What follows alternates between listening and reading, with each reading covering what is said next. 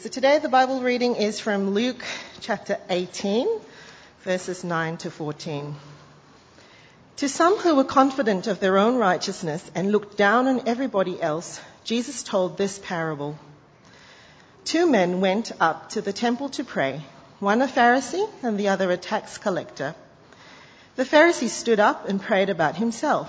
God, I thank you that I'm not like other men robbers, evildoers, adulterers, or even like this tax collector. I fast twice a week and give a tenth of all I get. But the tax collector stood at a distance. He would not even look up to heaven, but beat his breast and said, God have mercy on me, a sinner. I tell you that this man, rather than the other, went home justified before God. For everyone who exalts himself will be humbled, and he who humbles himself will be exalted. Well, it was just another Wednesday, uh, doing what they love to do, uh, helping people uh, learn to ski. Uh, Sal and Stu, uh, they were ski instructors, uh, and they would do it all again the very next day. A husband and wife, they slept on the ground floor of their ski lodge. but it wasn't just another Wednesday, because that night Uh, at about 11:35, uh, uh, without warning, uh, a landslide came uh, crashing down on their ski lodge and on the one next to it. 19 people were trapped. Stuart Diver lay there trapped under a concrete slab in only his underpants. And water ran down the hill and filled the little concrete cocoon uh, where his body lay. He had only an inch or two um, above him uh, where he, he, he, would strain his head uh, so that he could breathe and suck in uh, the little bit of air uh, that uh, was there. He was trapped. there was nothing that he could do to save himself. he, he was helpless uh, totally dependent on someone else uh, to rescue him, uh, which he was. So he was discovered uh, on the Saturday morning, so a number of days later, and 11 hours after that, uh, he was brought free uh, through a 16 metre tunnel. that was 20 years ago, just just over 20 years ago, the Thredbo landslide. Oh, at the moment we're, we're looking at, at the Reformation. Uh, it was some 500 years ago uh, where the church was teaching that there were certain things that you could do to be able to save yourself, uh, to help in your salvation, uh, to be able to, to get merit. Uh, one of those things uh, was penance. penance is, is what you, you do to have your sins forgiven uh, particular uh, prayers uh, that you said, uh, particular deeds uh, that you would do. And by doing penance, it was said to, to lessen or avoid time in purgatory. Purgatory being uh, that belief of the church, that place where, where souls would go and suffer after death to work off some of the punishment for their sins. And in addition to uh, doing penance, uh, there was also indulgences. Now, an indulgence uh, wasn't eating a big piece of chocolate cake. An indulgence was where uh, you you paid money uh, to the church uh, again to lessen time in purgatory. in other words, it was a way to, to, to buy your way out of sin without having to do penance or to pay for your loved ones who are deceased uh, to lessen uh, their time in purgatory. But the problem was, it wasn't biblical. Uh, it was all a rort. Uh, that the paying of indulgences, uh, that was a, a, corrupt practice of the church uh, in order to make money. and Luther came to see this. As, as Luther uh, wrestled with what was going on around him, uh, as he dug into the scriptures uh, and read it for himself, He came to see that what, what he was seeing in the church at the time, and what he was hearing, was, was contrary to what was in the very Word of God. So as he kept reading the scriptures, uh, he came to see uh, both the, the, bad news and the good news. Now on, on Monday, uh, public holiday, uh, so I had the, the day off. I was up on the Central Coast. Uh, one of my sisters was there uh, with her family. so one of my nieces was reading a, a Choose Your Own Adventure that, that belonged to, to my sister when she was a child. Do you, do you remember those books? Yeah, I, I, had a few of those. Um, well, this is the part of the sermon where, where you get to choose where we go next. Um, so we can hear the bad news first or the good news. So if it's the bad news, we'll turn to page three, but the good news, then we'll, we'll turn to page nine. So it's your choice. The, the bad news first or the good news? Bad news? Good news? Bad news, okay. Alright, so we'll go to the bad news first. Alright, well the bad news is this. Our situation before God is much worse than most people think. Alright, so uh, you might like to turn to, to, Romans chapter 3. We will come back to the, what Val read in, in Luke uh, 18. Uh, but, but Romans, Romans 3.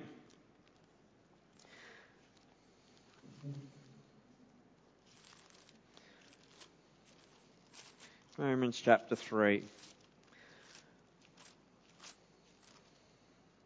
Alright, we see that the first verse here in verse, in verse 9. It's escaped my Bible. Hmm. Here we go. Got it. Alright, so the first one is in verse 9. It says, Are we any better? Not at all. Uh, we've already made the charge that Jews and Gentiles alike are all under sin. So the, the apostle Paul, uh, he, he's writing here, he, he's saying all people are under sin. Uh, Jews and Gentiles, all alike, are trapped, if you like, under the judgment of sin. And that judgment of God uh, brings death. a bit further down, verse 19 speaks about being uh, accountable to God. And in verse 20, it says that, that no one can be right with God by observing the law, uh, our good works don't make us right with God. And then verse 23 uh, says, For all have sinned and fall short of the glory of God. Now what we've just looked at, what we've just said, that's at odds with what most people in the world around us, what they think. Uh, most people, if they believe in God at all, uh, believe that, that if we are good, then God will let us into heaven. And most people are good. The mass murderer in Las Vegas, he, he's not good. But most people, they are good. This is what the world thinks. I'm not saying this is right. This is what people think. Right? Most people don't, don't believe that we are in this dire situation where there is sin where we are under sin, under the judgment for sin, and that we are helpless, that we actually can't get out of this situation ourselves. Now, what I've said so far, um, I think that the Roman Catholic Church of the 16th century uh, would agree with what I've just said. That, yeah, we are under sin. Uh, we are accountable to God, and we fall short of His glory. Uh, we need forgiveness. Uh, we, we, we agree on that. So let's um, keep having a look at, at, the bad news, but flip over a few books uh, to Ephesians. Uh, still, the, the Apostle Paul uh, is writing here, and he's writing uh, to believers. And as he starts here, uh, in verses 1 to 3, he speaks about what their situation was before they were saved. So Ephesians 2, uh, verses 1 to 3. It says, As for you, you were dead in your transgressions and sins, in which you used to live when you followed the ways of this world and of the ruler of the kingdom of the air, the Spirit who is now at work in those who are disobedient. All of us also lived among them at one time gratifying the cravings of our sinful nature and following its desires and thoughts. Like the rest, we were by nature objects of wrath or children of wrath. Now what, what is Paul saying there about the situation that they were in? It says they, they were dead in sin, in their transgressions, in their sin. Now, most people don't view themselves this way. Right? We're, we're living, we're breathing, we're working, we're, we're active, uh, having a, a, good time perhaps, but dead in sin, waiting God, God's judgment, His wrath. No, people don't think uh, like that. But dead in sin, if this is right, then that, that means like if you're dead in sin, you can't do anything about it. Uh, you, you are, you are helpless. You can't do anything to, to save yourself out of that situation. Uh, just like uh, Stuart Diver uh, was, was helpless unless someone else saved him. He was still alive, but there was nothing he could he could do himself. Right? The same is here. If we are dead in sin, there's nothing that we can do to help our situation. Now, Jesus, uh, he said something similar uh, just after the parable uh, that uh, that Val uh, read. Uh, just after that, Jesus Jesus says in Luke in Luke 18. Um, oh, so, firstly, pe- people ask the question, well, who then can be saved? Jesus replied, "What is impossible with man is possible with God. Right? We can't save ourselves. Right? That, that's, the, that's the bad news, if you like. That the dire situation we are in, we are helpless, we are under sin, and we cannot save ourselves. Right? That situation is, is far worse than most people imagine. That there's nothing that we can do. Now, that's a problem. That, that is a, a massive problem. Because then how, how, can we know God? How, how can we possibly be, be safe from His judgment? How can we know Him and, and be right with Him and, and be at peace with Him? Because there's nothing that we can do. So that is where we turn to the good news. Because there is good news. And this, this is the good news of Christianity. Uh, that there is an answer, there is a way out. Uh, in, in Luke 18, uh, what, what is the, the good news in the parable that we read before? Who was it that went home justified? The, the, the Pharisee, the religious person, or the, the sinner, the, the tax collector? Right, it's the tax collector. He's the one who, who goes home justified uh, before, before God. So not the religious person. It's not the one there who is who's doing the, the right things, who's doing the, the religious works. And he's the man who, who has nothing. And he, what does he do? He just, he beats his chest and he cries out to God, have mercy on me, God. He, he realizes there's nothing that he can do. He's, he's got nothing to offer God. He just cries out to God for God to have mercy upon him a sinner. He sees his desperate situation and he sees that God is the only one who can save him. And that is exactly uh, what happens. Because what is it that Jesus says to him? Jesus says, and tell everyone there, I tell you that this man, rather than the other, went home justified before God. For everyone who exalts himself will be humbled and he who humbles himself will be exalted. All right, well, have a look at uh, Ephesians 2. Ephesians 2. There we saw the people were dead in sin, but then we read on and they're made alive in Christ. How, how does that happen? How do they go from being dead to sin to alive in Christ? Have a look. Ephesians 2, uh, from verse 4. It says, But because of his great love for us, God who is rich in mercy made us alive with Christ even when we were dead in transgressions. It is by grace you have been saved. It is by grace that you have been saved. And that, that's in verse, verse 8 as well. So verse 8 it says, For it is by grace you have been saved through faith. And this not from yourselves, it is the gift of God, not by works, so that no one can boast. So grace is uh, what God does for us. It's His, His amazing grace.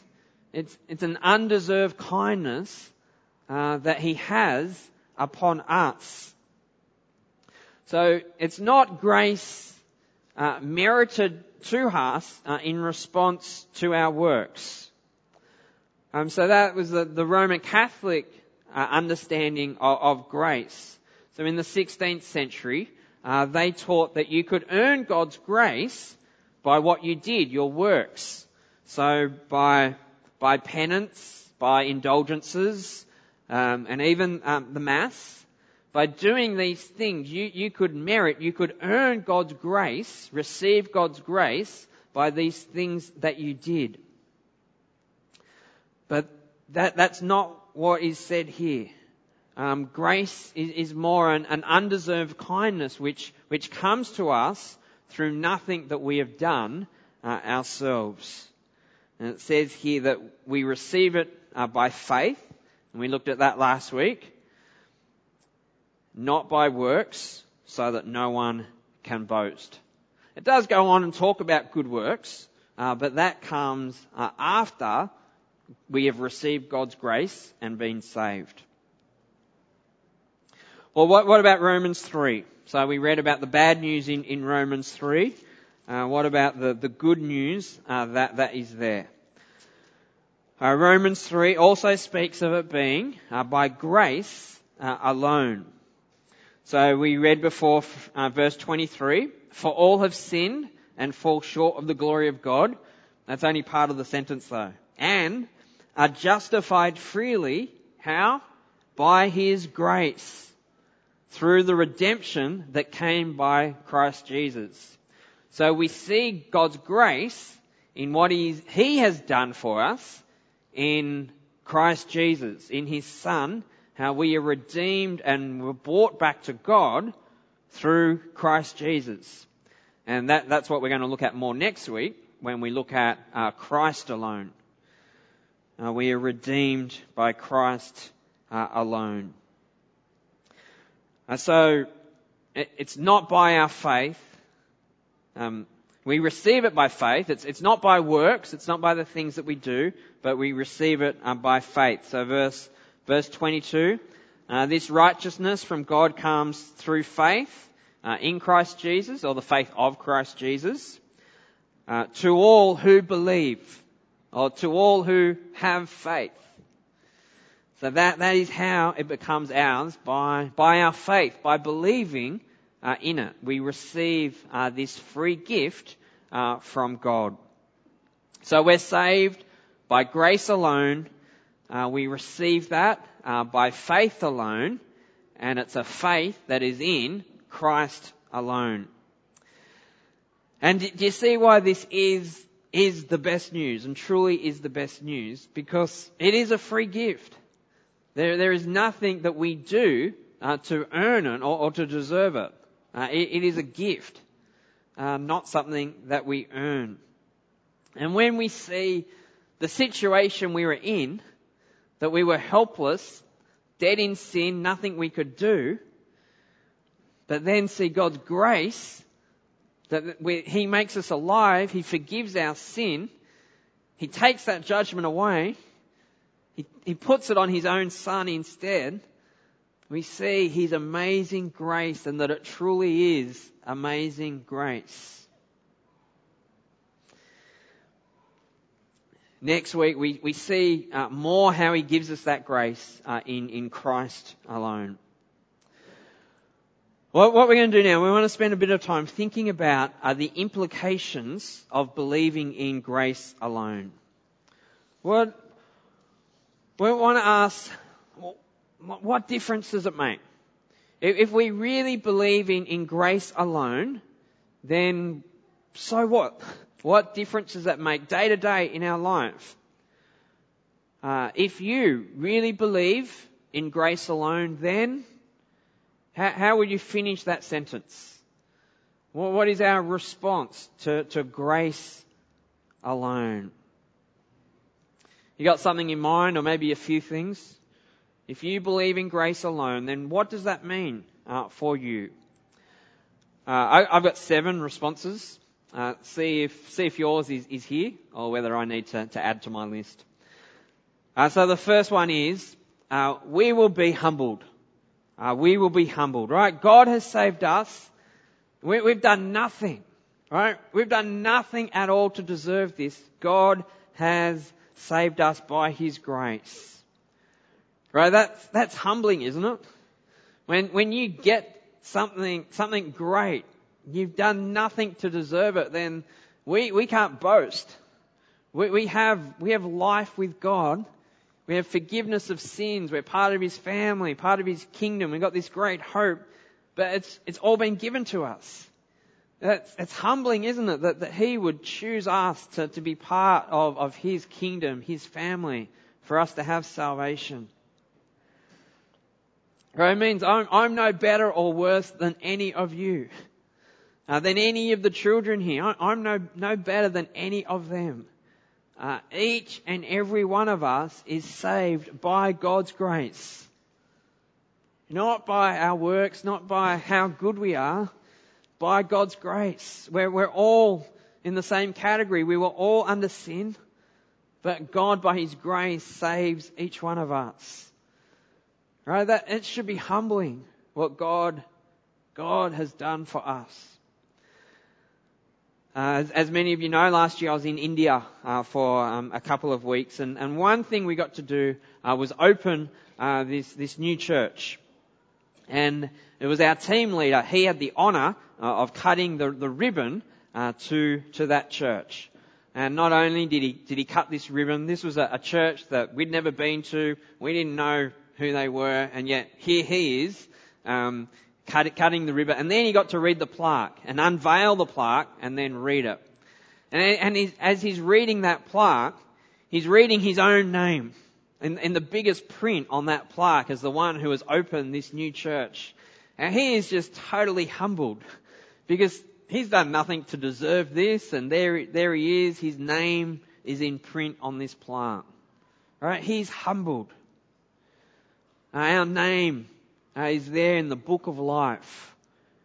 And we've done nothing to deserve that. Uh, we, we should be humbled. Uh, we've got nothing to boast in. We should just marvel at God's mercy and grace towards us, His, His love towards us.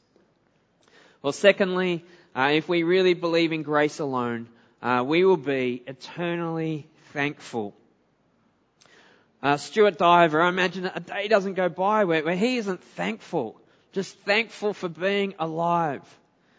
Uh, his wife and the and 17 others, uh, they all perished in that landslide. He he survived. Uh, he must be thankful every day he lives, thankful for just being alive, thankful for those who rescued him. Uh, every day we can be thankful to God uh, that He has saved us, that we are alive in Christ with Him. Uh, he has had grace upon us every day. We have reason to be thankful to Him. Uh, this week, uh, why don't you try to make a point of it, of being thankful to God for His grace upon you. Well, thirdly, uh, we will have assurance of salvation. Now, why? Because we're saved by grace are not our works. So therefore you can be sure that you are saved. If you know God's grace in our Lord Jesus Christ, then you are saved. And you can know that. That said, uh, four, uh, we will live the life that God has saved us for. Right? We will live a, a life of, of good works, of being good uh, to those around us. Uh, we, we will love people, even those who don't deserve it, because that is what God has done for us. We will live this life where we have received grace and we will go out and, and live it uh, to other people and we will show grace to other people. And we will live a life of repentance. We will seek to, to turn away from sin and to keep, keep repenting, keep turning to Christ and away from sin. And Luther's 95 Theses, remember we, we nailed them to the, the door, the wall, uh, last week. The very first statement on that uh, is this. He wrote, when our Lord and Master said repent, he willed the entire life of believers to be one of repentance. So not just when you come to Christ, but then continually after that, keep turning to Christ and away from sin, a life of repentance. And then fifthly, uh, surely we will see people differently. Now there, there was an ad on, on TV a few years ago now, and I don't remember what it was advertising, so it can't have been too good, but sort of there was a city scene, and people were, were rushing uh, to different places for work. But some people, I think they had, they, they sort of lit up a bit, they had a halo type of thing over their head, and I don't know if these people used a certain shampoo or, or something, but whatever it was, they, they were different. Now, um, tomorrow, as you head to, to, work or are busy or whatever it is you're doing, and, and people are, are, racing off to different places. Now, people are going to be, be different. Now, that their head's not going to be lit up. But there are people all around us uh, who are still dead in sin, and maybe some here this morning, still under God's judgment, uh, who don't know God's grace or haven't received God's grace. Right? They're still living, they're breathing, working hard, enjoying life, but actually dead in sin. So for them, they're still in the, the, the dire situation of being helpless. Alright, without hope if they are without Christ. So surely that should drive us to the sixth thing. For us to be prayerful. If we really believe in grace alone, then surely we will be a people of prayer. That we will pray to God for Him to do what only He can do, and that is save people.